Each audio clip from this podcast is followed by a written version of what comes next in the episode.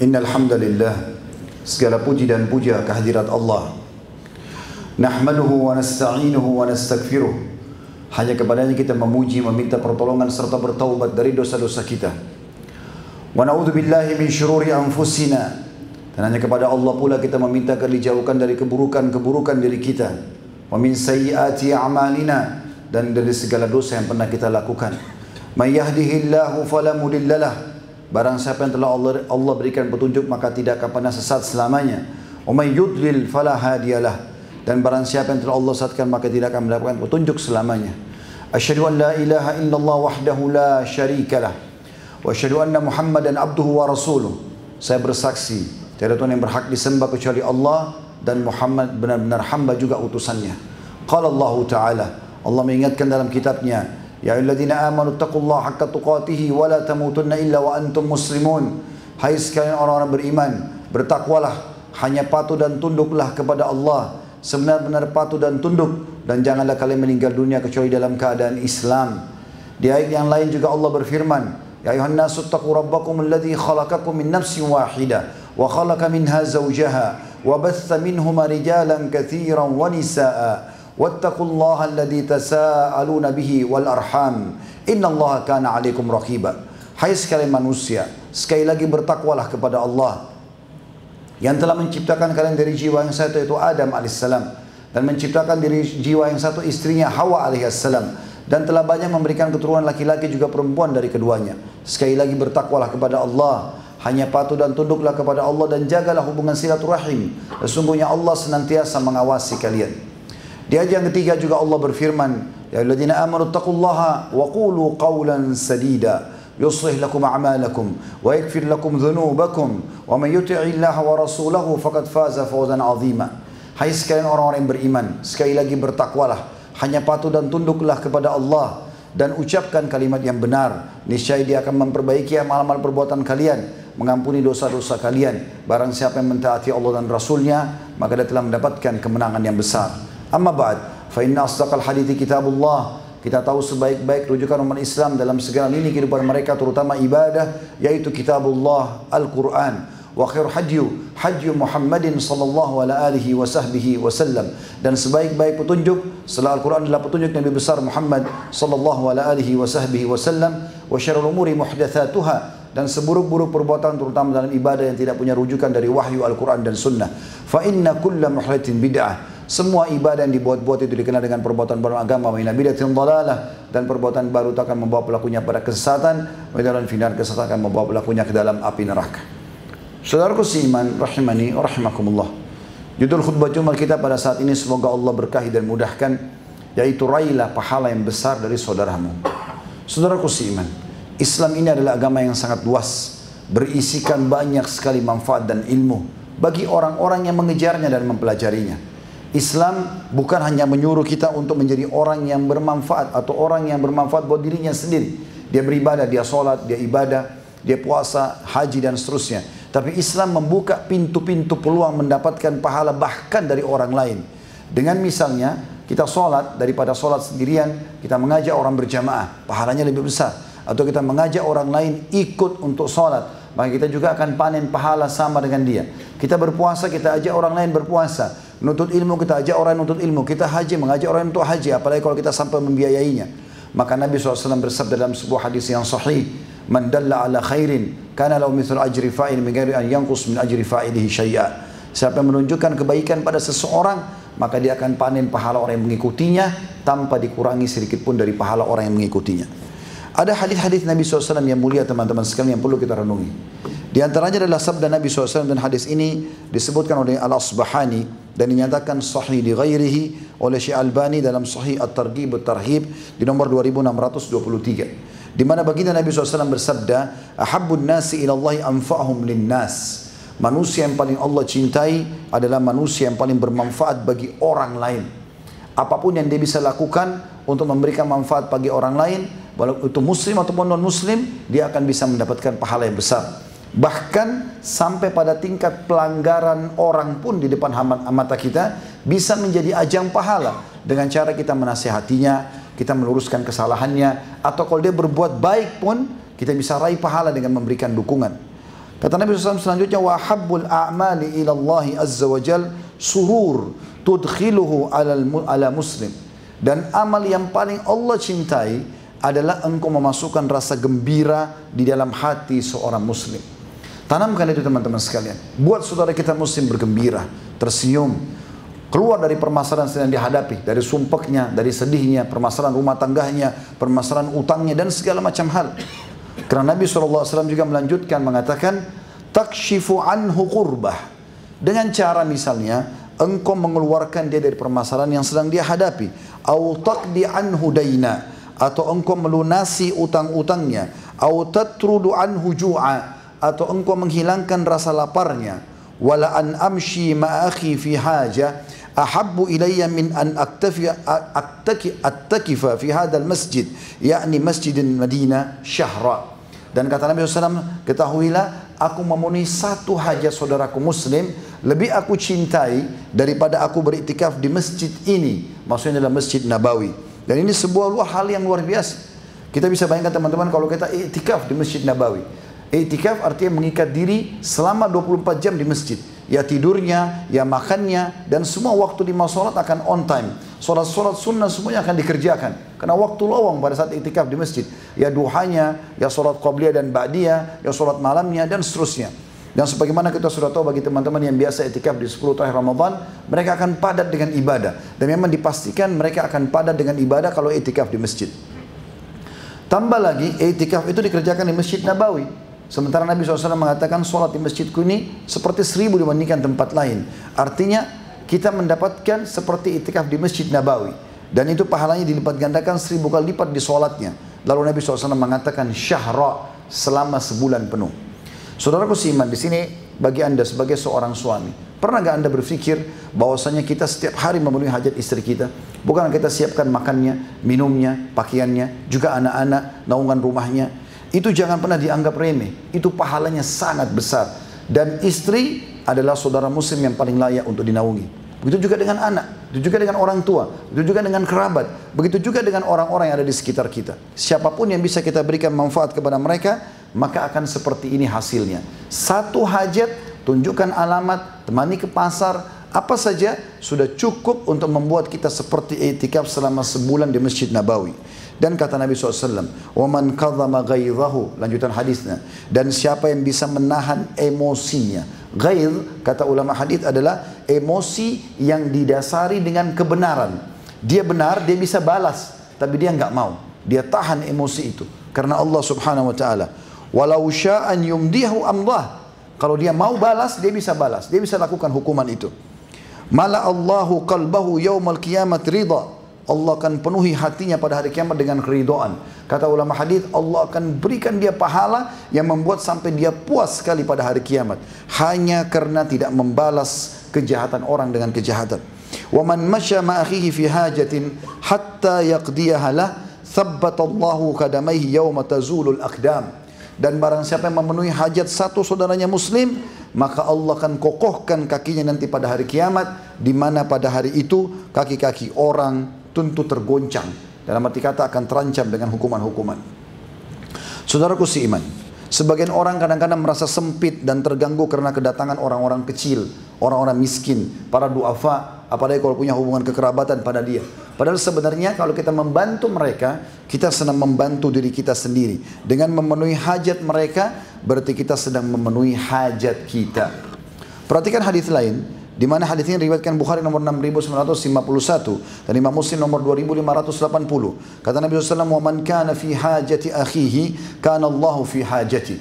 Siapa pun yang memenuhi hajat saudaranya muslim dari pertanyaan yang sedang dia tanyakan diberikan jawaban, nasihat yang diminta, bantuan materi, bantuan apa saja, fisik, tenaga, maka Allah pun siapa yang bisa atau biasa membantu hajat saudaranya, maka Allah akan senantiasa menolong dia di hajatnya. Juga disebutkan di dalam hadis yang lain atau disebutkan dalam sebuah riwayat Al Hasan Basri rahimahullah dan ini dinukil dalam buku Jami'ul Ulum wal Hikam di halaman di jilid 2 halaman 294 bahwasanya beliau pernah menyuruh murid-muridnya untuk membantu sebagian atau ada orang lain yang susah. Maka pada saat itu kebetulan sedang 10 akhir Ramadan. Kemudian murid-muridnya pun pergi. Pada saat mau jalan, Hasan Basri berkata, mampirlah panggil juga Thabit al-Banani. Thabit al-Banani murid Hasan Basri, tapi lagi itikaf di masjid di 10 akhir Ramadan. Maka mampirlah murid-murid Hasan Basri mengatakan kepada uh, Thabit ini, bahwasanya guru kita Hasan Basri menyuruh kau ikut untuk memenuhi hajat saudara kita muslim yang sedang membutuhkan bantuan. Maka dia mengatakan, mohon maaf, saya sedang beritikaf. Maka murid-murid tersebut lantas kembali kepada Hasan Basri dan menyampaikan jawaban daripada uh, Al-Thabit tadi. Maka kata Hasan Basri kepada Al-A'mash, muridnya yang lain, perawi hadis yang masyhur mengatakan wahai A'mash, sayang sekali itu yang dibuat oleh Thabit. Tahukah engkau bahwasanya bila engkau menolong satu hajat saudaramu muslim itu sama pahalanya haji dan haji lagi yang kamu kerjakan. Lalu kemudian mereka pun kembali kepada Thabit dan menyampaikan pernyataan tersebut. Maka Thabit pun meninggalkan etikafnya di masjid dan mengikuti murid-murid Hasan Basri untuk memenuhi hajat saudaranya muslim yang lain. Saudaraku seiman. Berapa banyak di tengah-tengah kita lingkungan kita orang-orang miskin. Kita bicara misalnya lingkup orang-orang tua yang sudah janda, susah. Saya tidak pernah menemukan kita kesulitan dalam poin ini di Indonesia. Karena hampir di setiap gang kita, ini bahasa saya tentu tanda kutip di sini, adalah menandakan karena banyaknya banyak sekali janda-janda yang tidak tidak mampu, sudah tua. Bahkan kadang-kadang dulu di pinggir jalan saya pernah lihat ibu-ibu itu dengan pakaian kotor, badannya pun kotor, mukanya sudah keriput dengan pegang anak tidur di pinggir jalan. Masih saja ada motor dan mobil lewat tanpa memberikan bantuan kepada mereka. Mana kita teman-teman dari hadis Nabi sallallahu alaihi wasallam? Hadis ini hadis sahih riwayat Bukhari Muslim.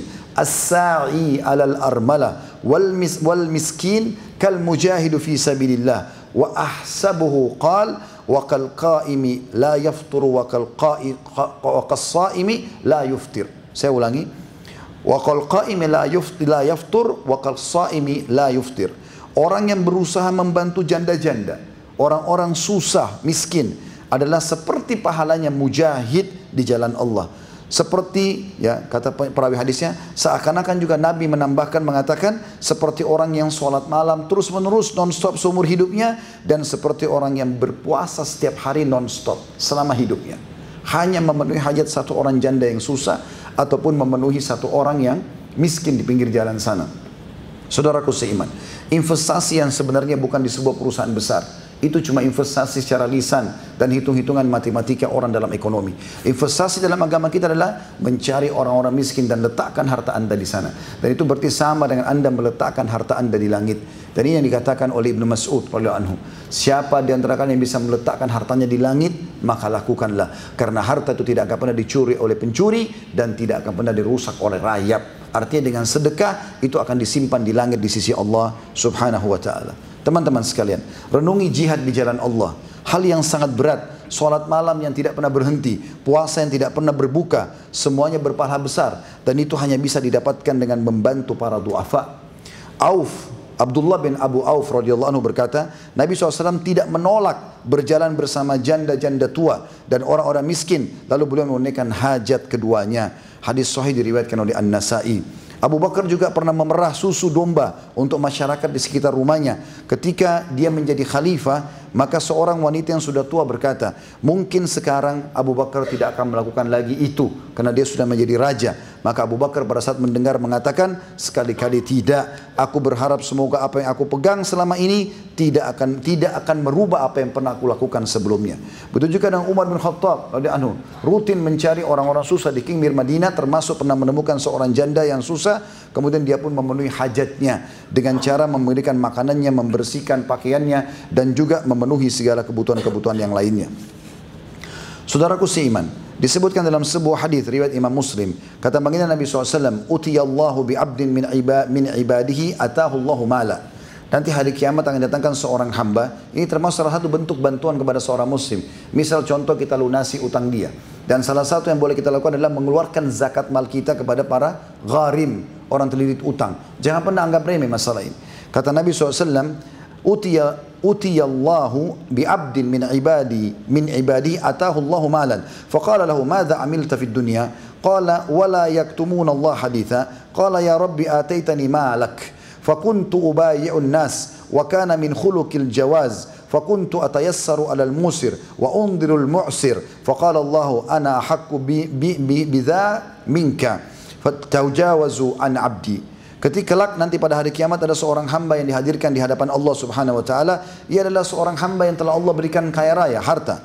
Lalu Allah bertanya kepadanya, "Apa yang kau lakukan di dunia?" Padahal tidak ada yang samar bagi Allah, Sang Pencipta. Allah sangat tahu apa yang terjadi pada hamba ini. Tapi Allah sengaja tanya. Hamba tersebut menjawab, dahulu engkau memberiku harta atau banyak harta. Dan aku adalah seorang pedagang atau eh, pengusaha. Aku mempunyai kebiasaan sering memberi kemudahan pada orang-orang yang mampu melunasi dan menangguhkan utang orang-orang yang kesulitan membayar. Maka Allah berfirman kepadanya, aku lebih berhak memudahkan itu daripadamu. Maka ampunilah dan mudahkanlah hisab hambaku ini. Saudaraku seiman, termasuk hal yang bisa mendapat menjadikan amal jariah buat kita adalah amal-amal yang kita bantukan pada orang apalagi fasilitas yang kita berikan kepada mereka dan masih terus digunakan selama kita atau setelah kita meninggal disebutkan dalam sebuah hadis bahwasanya hadis ini tentu diriwayatkan oleh Ibnu Majah dan dihasankan oleh Syekh Albani. Abu Hurairah berkata bahwasanya Nabi SAW bersabda, Inna mimma yalhaqul mu'minu min amalihi wa hasanati ba'da mauti ilman 'allamahu aw nasharahu wa waladan salihan tarakahu aw mushafan warathahu aw masjidan banahu aw baitan libni sabilin banahu aw nahran ajrahu aw sadaqatun akhrajaha min malihi fi hayatihi wa sihhatihi yalhaquhu min di antara amal dan kebaikan yang terus menyusul dan dicatatkan bagi seorang muslim setelah kematiannya adalah yang pertama ilmu yang diajarkannya dan disebarluaskan. Tahu ilmu agama, ajarkan kepada orang dengan ikhlas. Yang kedua, anak soleh yang ditinggalkannya dididik dengan benar anaknya sehingga menjadi seorang alim, orang yang faham agama, hafal Quran, ahli ibadah akan jadi amal jariah selama anak itu terus beribadah. Yang ketiga, mushaf atau Al-Quran yang dia wariskan. Maksudnya dia beli Al-Quran dibagi-bagi, taruh di masjid, taruh di pesantren, kasih orang-orang supaya dibaca. Yang keempat, masjid yang dibangunnya. Tadi itu adalah Al-Quran. Sekarang masjid yang dibangunnya. Dan ini di Indonesia tidak tidak tidak sulit mencarinya. Hampir semua masjid meletakkan celengan di pinggir jalan. Sayangnya banyak orang hanya melewati saja. Padahal sekali memasukkan di situ, sekecil apa pun kalau anda ikhlas, anda sudah punya istana satu di surga. Kemudian rumah untuk Ibnu Sabil. Itu yang keenam. Rumah yang untuk Ibnu Sabil atau musafir. Yang dia bangun jadi dia siapkan rumah khusus, setiap ada orang datang, tamu-tamu dari luar kota tinggal di sana gratis. Kemudian selanjutnya yang ketujuh sungai yang dia alirkan. Maksudnya dia buat pengaliran air supaya orang bisa pakai untuk pertaniannya, perkebunannya atau dia galikan sumur. Kemudian selanjutnya dikatakan atau sedekah ini yang kedelapan dia keluarkan dari hartanya apa pun sifatnya semasa dia hidup dan dalam kondisi dia sehat semua itu akan menyusulnya setelah kematiannya saudaraku seiman ini peluang besar bagaimana kita berusaha melakukan itu. Uthman bin Affan radhiyallahu anhu saking ikhlasnya membeli sebuah sumur namanya sumur rumat. Di zaman Nabi SAW pada saat itu meminta agar siapa yang membeli sumur rumat dia akan dapatkan surga. Maka Uthman membayarnya dengan harga yang sangat mahal 20 ribu dinar pada saat itu artinya bisa mencapai sekitar 6 miliar rupiah kalau uang kita sekarang dibeli sama dia lalu di, diwakafkan untuk muslimin tanpa dia minum seteguk pun Sampai Nabi SAW mengatakan, siapa yang membeli sumur rumah, dia akan masuk surga. Uthman membeli surga dengan harta itu. Tanpa menawar pun kepada pemiliknya orang Yahudi. Setelah itu diwakafkan dan subhanallah sampai hari ini sumur Uthman masih ada. Kalau teman-teman lagi pergi umrah atau haji, kalau datang dari arah belakangnya Masjid Nabawi, pas di sebelah, kalau sekarang ada jembatan, ya jalan, ada terowongan di sebelah hotel-hotel itu. Hotel yang paling pertama sebelah kanan paling belakang tertulis bahasa Arab hotel miliknya Uthman bin Affan. Bagaimana bisa Uthman punya hotel sementara jelas-jelas dia sudah meninggal? Bahkan Uthman bin Affan sekarang terdaftar satu-satunya orang mati yang punya rekening resmi di Saudi. Isinya jutaan real. Dari mana itu bisa didapatkan? Ternyata waktu dia beli sumur ini, di sebelah sumur itu ada kebun kurma. Dan dia beli semuanya. Kemudian dia wakafkan semua untuk umat Islam. Dia terus saja memberikan hasilnya untuk umat Islam. Airnya boleh dipakai, kurmanya boleh diambil sepuasnya siapa pun diinginkan. Kemudian sampai dia meninggal, sampai dia jadi khalifah dia meninggal, lalu Ali bin Abi Thalib masukkan dalam program pemerintahan, Datul datang kerajaan-kerajaan Islam, Umayyah, Abbasiyah, uh, dan sekarang pemerintah Saudi menjadikan itu sebagai program pemerintah. Akhirnya semua hasilnya dibagikan untuk fakir miskin, untuk amal jariahnya Utsman bin Affan dan sebagian hasilnya ditabungkan ke rekening. Karena Utsman tidak memakai uang itu sudah meninggal lalu jadi membanyak uang itu. Lalu pemerintah Saudi berikan tanah khusus di situ, dibangunkan hotel untuk dia. Hasilnya pun tamat, direkeningkan atau disedekahkan sebagainya untuk orang-orang. Bayangkan teman-teman setelah 1400 tahun tetap menjadi amal jariah. Dan ini satu hal yang luar biasa. Juga teman-teman sekalian, dikatakan bahwasanya salah satu yang harus dikejar oleh seorang muslim adalah memaksimalkan waktunya. Kalau misal begini, ada dua orang berumur 30 tahun, si A sama si B. Si A meninggal lebih dulu. Si B meninggal mungkin 3-4 hari setelahnya. Tidak usah lama-lama, 3-4 hari. Kalau mereka sama-sama melakukan amal yang sama, dan selisihnya pun hanya beberapa hari ini, sudah cukup membuat si B itu akan mendapatkan pahala berlipat-lipat ganda kalau dia tetap mengerjakan ibadah walaupun biasa.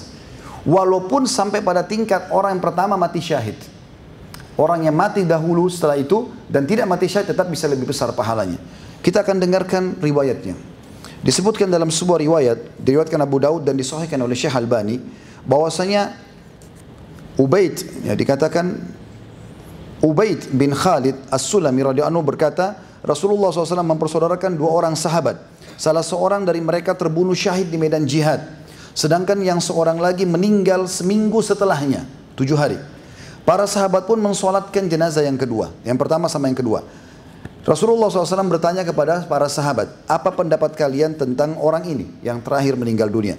Mereka menjawab, semoga Allah mengampuni dosanya, merahmatinya dan semoga dia dapat menyusul saudaranya yang terbunuh di medan jihad. Maksudnya tadi ini orang meninggal tapi nggak mati syahid. Temannya mati syahid seminggu kemudian. Semoga Allah ampuni dosa-dosanya dan Allah berikan juga dia pahala seperti temannya. Maka mati syahid, mudah-mudahan dapat pahala itu. Maka Rasulullah SAW bersabda, "Fa'ina salatuhu ba'da salati, wa sawmuhu ba'da sawmi, syakka syu'ba fi sawmi, wa amila wa amalahu ba'da amali, inna bainahuma kama bainas sama'i wal ard." Kalian keliru Nabi SAW seakan mengatakan itu. Mana bisa dibandingkan sholatnya orang yang masih hidup tadi yang meninggal punya waktu seminggu itu dengan orang yang mati syahid itu. Bagaimana bisa dibandingkan puasanya orang yang masih hidup seminggu itu dengan puasanya orang yang dengan orang yang sudah mati syahid seminggu yang lalu. Lalu Syu'bah, perawi hadis, ini ragu tentang kalimat puasa. Tapi kemudian Nabi SAW mengatakan juga dan masuk dalam makna hadis ini. Dan mana amal-amal selama seminggu itu misalnya zikir pagi petang, sedekah seribu rupiah atau apalah. Mana ya amal-amalnya orang yang satu minggu masih hidup ini mau dibandingkan dengan yang sudah mati syahid sebelumnya. Ketahuilah, orang yang mati seminggu kemudian itu orang yang kedua, pahalanya dibandingkan orang yang mati syahid seminggu yang lalu itu antara langit dan bumi. Artinya teman-teman sekalian, kalau Allah Subhanahu wa taala masih memberikan kita kesempatan untuk beramal saleh, maka jangan pernah disia-siakan. Walaupun ada orang yang sebelum kita lebih bagus matinya, tapi kita mati beberapa hari setelahnya, kita masih bisa mengejar peluang bahkan lebih baik daripada dia. Disebutkan dalam sebuah riwayat yang lain bahwasanya Nabi SAW mengutus pasukan untuk berperang. Dalam salah satu ya di peperangan itu kebetulan ikut berperang tiga orang. Yang satu mati syahid, tiga orang bersahabat dan umurnya hampir sama semua. Nabi SAW kemudian mengutus pasukan lain, kemudian orang yang kedua ikut juga mati syahid. Lalu kemudian orang yang ketiga meninggal setelah itu beberapa hari, tapi meninggal di atas ranjangnya, tidak mati syahid. Jadi tiga orang sahabat, Tiga-tiganya pergi berperang. Yang satu pertama mati syahid duluan. Orang mati syahid jelas masuk surga. Insya Allah kalau dia ikhlas karena Allah. Seminggu kemudian atau beberapa hari kemudian Nabi utus pasukan lagi, ikut lagi, meninggal lagi orang yang kedua. Syahid juga. Sebab hari kemudian yang ketiga tidak ikut perang dan tidak mati syahid. Mati di atas ranjangnya. Kemudian Talha bermimpi melihat ketiga orang itu di surga tiga-tiganya. Tetapi orang yang meninggal di ranjangnya, yang ketiga tadi, paling depan mendahului kedua temannya. Orang yang terakhir syahid mendahului temannya yang syahid pertama dan orang yang syahid pertama posisinya paling belakang. Jadi orang yang mati terakhir dari atas ranjang itu paling depan di surga. Kemudian orang yang mati yang sebelumnya syahid yang kedua di belakangnya, yang mati pertama di belakang. Padahal lebih dulu mati syahid. Orang yang syahid pertama posisinya paling belakang. Talha radhiyallahu anhu kemudian bertanya kepada Nabi sallallahu alaihi wasallam. Beliau bersabda, "Wa ma ankarta min dzalika laisa ahadun afdalu indallahi min mu'minin yu'ammaru fil islami litasbihihi wa takbirihi wa tahlilihi." Kenapa kau heran kata Nabi SAW Waktu ditanya oleh Talha, "Ya Rasulullah, bagaimana kami memahami ini? Padahal yang terakhir tidak mati syahid." Cuma beda berapa hari dia meninggal. Kenapa dia lebih tinggi derajatnya di surga?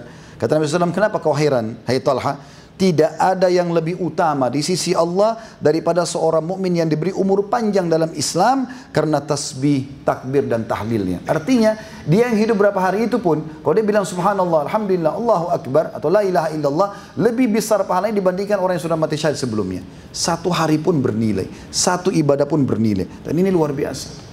Saudaraku si iman, jenguk orang-orang yang sedang sakit, bantulah orang-orang yang susah, Bagaimana kita tahu bahwasanya hadis Nabi SAW berbunyi terdapat 70 ribu malaikat yang akan berdoa bagi orang yang mau meluangkan waktunya sejenak menjenguk saudara yang sedang sakit. Dalam sebuah hadis riwayat Tirmidzi disahkan oleh Albani, kata baginda Nabi SAW, "Ma min muslimin ya'udu musliman gudwatan illa salla alaihi sab'una alfa malakin hatta yamsi."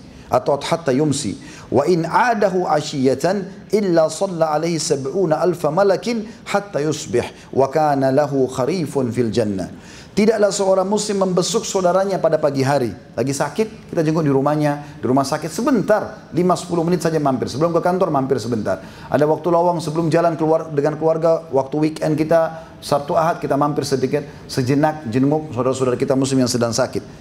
Melainkan kalau dia jenguk di pagi hari, melainkan ada 70 ribu malaikat akan berdoa untuknya hingga sore.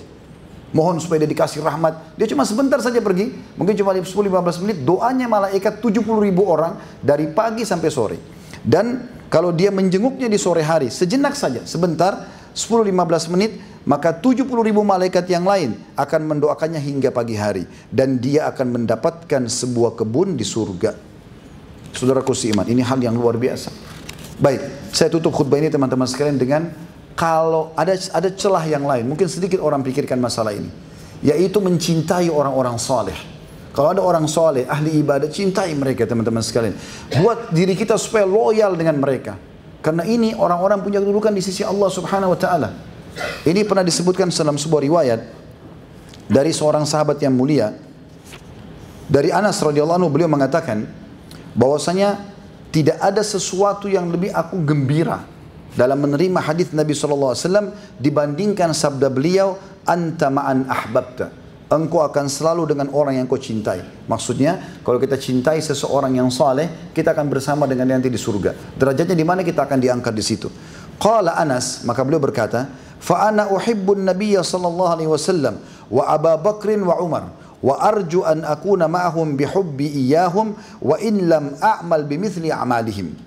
Aku mencintai Nabi SAW dan aku pun mengikuti cinta aku itu dengan mencintai Abu Bakar mencintai Umar radhiyallahu anhuma dua mertua Nabi SAW dan sahabat Nabi yang mulia. Dan aku berharap dengan cintaku pada mereka itu Nabi SAW Abu Bakar dan Umar radhiyallahu anhuma maka aku akan bersama mereka nanti di surga. Walaupun amalku belum menyamai mereka sekarang masih banyak umat Islam yang tidak faham kedudukan dua sahabat ini. Abu Bakar sama Umar. Cintai beliau. Baca riwayatnya. Uh, jadikan sebagai suri tauladan. Apa kata Nabi SAW tentang kedua orang ini? Ini luar biasa. Hadis riwayat Tirmidzi disahihkan oleh Albani di nomor 3666 kata Nabi SAW tentang Abu Bakar Umar Abu Bakar wa Umar sayyida kuhuli ahli jannah minal awwalina wal akhirin. Ma khalan nabiyyina wal mursalin. Abu Bakar dan Umar adalah penghulu orang-orang dewasa dan penduduk surga. Dari umat-umat terdahulu semua sahabat-sahabat nabi-nabi yang dahulu sahabatnya Nabi Isa sahabatnya Nabi Daud sahabatnya Nabi Sulaiman semua sahabat-sahabatnya Abu Bakar dan Umar lebih memimpin mereka di surga nanti. Dari umat-umat terdahulu dan yang akan datang selain para nabi dan rasul oleh karena itu teman-teman sekalian dari sini tentu bukan cuma Abu Bakar sama Umar, tapi semua sahabat Nabi Ridwanullahi alaihim dan semua orang-orang soleh kita berusaha untuk mencintai mereka walaupun amal kita belum mencapai amal mereka. Semoga kita berharap kita bisa bersama dengan mereka di surga karena niat itu. Aku qauli hadza, saya sudah mengucapkan perkataan saya ini wa astaghfirullah li wa lakum dan saya bertaubat beristighfar kepada Allah atas segala kesalahan dan mengajak jemaah istighfar kepada Allah. Fastaghfiruhu innahu wal ghafurur rahim. Beristighfarlah karena dia maha maha maha pengasih dan juga maha menerima taubat hamba-hambanya. Alhamdulillah wassalatu wassalamu ala Rasulillah. Segala puji dan puja kehadirat Allah Subhanahu wa taala juga salawat dan taslim kepada Nabi besar Muhammad sallallahu alaihi wasallam. Hari Jumat adalah hari yang mulia Kata Nabi SAW tidak ada hari yang mengalahkan hari Jumat atau hari Jumat adalah hari yang paling mulia semenjak diterbitkannya matahari. Dan ini hari yang sangat mulia dan Nabi SAW mengatakan di hari Jumat ada waktu mustajab bagi setiap muslim. Jangan disia-siakan. Dua riwayat yang mulia. Yang pertama adalah Nabi SAW mengatakan hari Jumat adalah hari yang mulia di mana setiap muslim berdoa pasti diijabah oleh Allah dan kejar pada saat khatib atau imam sedang dulu di khutbah kedua sampai dikomahkan sholat.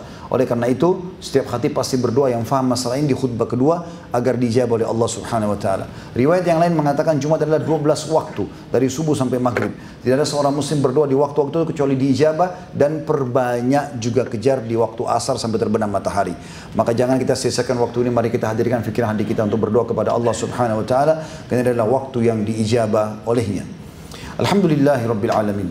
Kami memujimu ya Allah sebagaimana layak kau dipuji sebagai pencipta. Kami sangat yakin engkau sedang melihat kami karena engkau maha melihat. Mendengar kami karena engkau maha mendengar. Dan mengetahui semua seluk beluk dan seluruh amal kami dan perbuatan kami karena engkau maha mengetahui. Kami memujimu ya Allah sampai engkau ridho dengan puji-pujian kami. Dan kami mengucapkan salam hormat kepada utusanmu Nabi besar Muhammad sallallahu alaihi wasallam. Sebagaimana engkau telah perintahkan kepada kami. Ya Allah, kami tidak berkumpul di masjid ini atau di tempat ini kecuali karena ingin menjalankan perintahmu. Terimalah amal ini dengan pahala yang sempurna. Yang ada di antara kami yang sedang atau kurang ikhlas, ikhlaskanlah niatnya. Kalau sudah ikhlas pun diberikan pahala yang sempurna. Ya Allah terimalah seluruh amal yang pernah kami kerjakan. Yang sedang kami kerjakan. Yang akan kami kerjakan sampai menjelang ajal dati dengan pahala yang sempurna. Ya Allah jangan kau tinggalkan satupun dosa kami. Dosa kedua orang tua kami. Seluruh kerabat kami. Bahkan muslimin dan muslimat. Mukminin dan mukminat. Yang hidup dan juga yang sudah meninggal kecuali engkau maafkan dosa-dosa itu. Bahkan engkau ganti menjadi pahala dengan kemahamurahanmu. Ya Allah jadikan negara kami negara Indonesia negara yang aman, tentram, damai. Seluruh umat Islam di, bawah naungan ukhuwah Islamiyah. Angkat perselisihan di antara mereka. Dan juga jadukan dan satukan mereka dalam Al-Quran dan Sunnah. Di bawah naungan Al-Quran dan Sunnah. Dan hal ibadah juga mereka kembali kepada Al-Quran dan Sunnah. Dan berkarunikan kami pemimpin muslim yang adil yang kembali kepada Al-Quran dan Sunnah. Juga memuliakan agamamu. Juga lunasi utang negara ini semudah-mudahnya Allah. Bukakan rezeki dari seluruh penjuruhnya. Dan siapa pun yang menginginkan keburukan bagi Islam, bagi muslimin, bagi negara kami tercinta Indonesia, maka kembalikan tipu daya mereka kepada diri mereka sendiri.